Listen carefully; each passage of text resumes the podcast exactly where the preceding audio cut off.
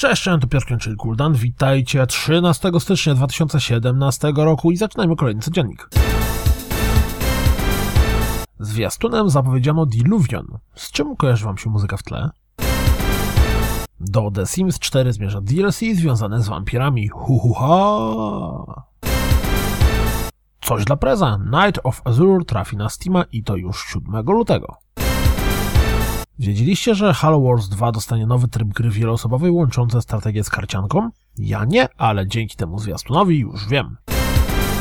Koniecznie zobaczcie zwiastun z żywymi aktorami Gravity Rush 2, mimo że gry tam nie ma za bardzo, ale zwiastun robi bardzo duże wrażenie. Nowy zwiastun Styx Shards of Darkness wygląda całkiem ładnie. Graliście w jedynkę?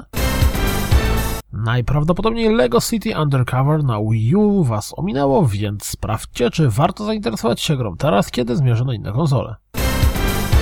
Nowy zwiastun Torment Tides of Numenera pokazuje nam konsekwencje wyborów. Oglądajcie raczej na komputerze.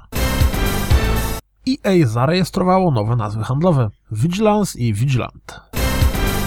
W EB Games Australia pojawiła się możliwość preordera Final Fantasy VII Remake. Czyżby premiera jednak miała być w tym roku? W Nights in the Woods zagramy 21 lutego. Pit People, czyli nowa gra twórców Castle Crushers, trafi 13 stycznia do Early Accessu. How to Survive 2 pojawi się na PlayStation 4 i Xbox One już w lutym. W Rocket League zagrało ponad 25 milionów graczy.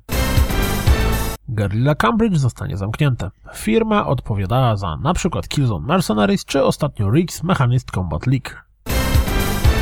Najwidoczniej nie tylko Crackdown 3, ale również Phantom Dust nie jest zagrożone.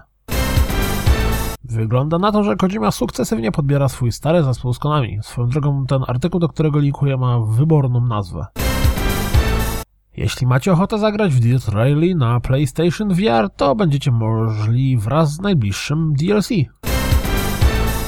Jeremy Clarkson, Hammond i May przez godzinę grają w Forza 3 i dzielą się wrażeniami. Naturalnie trochę heheszków tam się pojawia. To wszystko na dziś, jak zawsze. Dziękuję za słuchanie, jak zawsze zapraszam na www.rozgrywkapodcast.pl Jeśli doceniacie moją pracę, wesprzyjcie mnie na Patronite i mam nadzieję, że słyszymy się jutro, a właściwie to w poniedziałek. Trzymajcie się, cześć!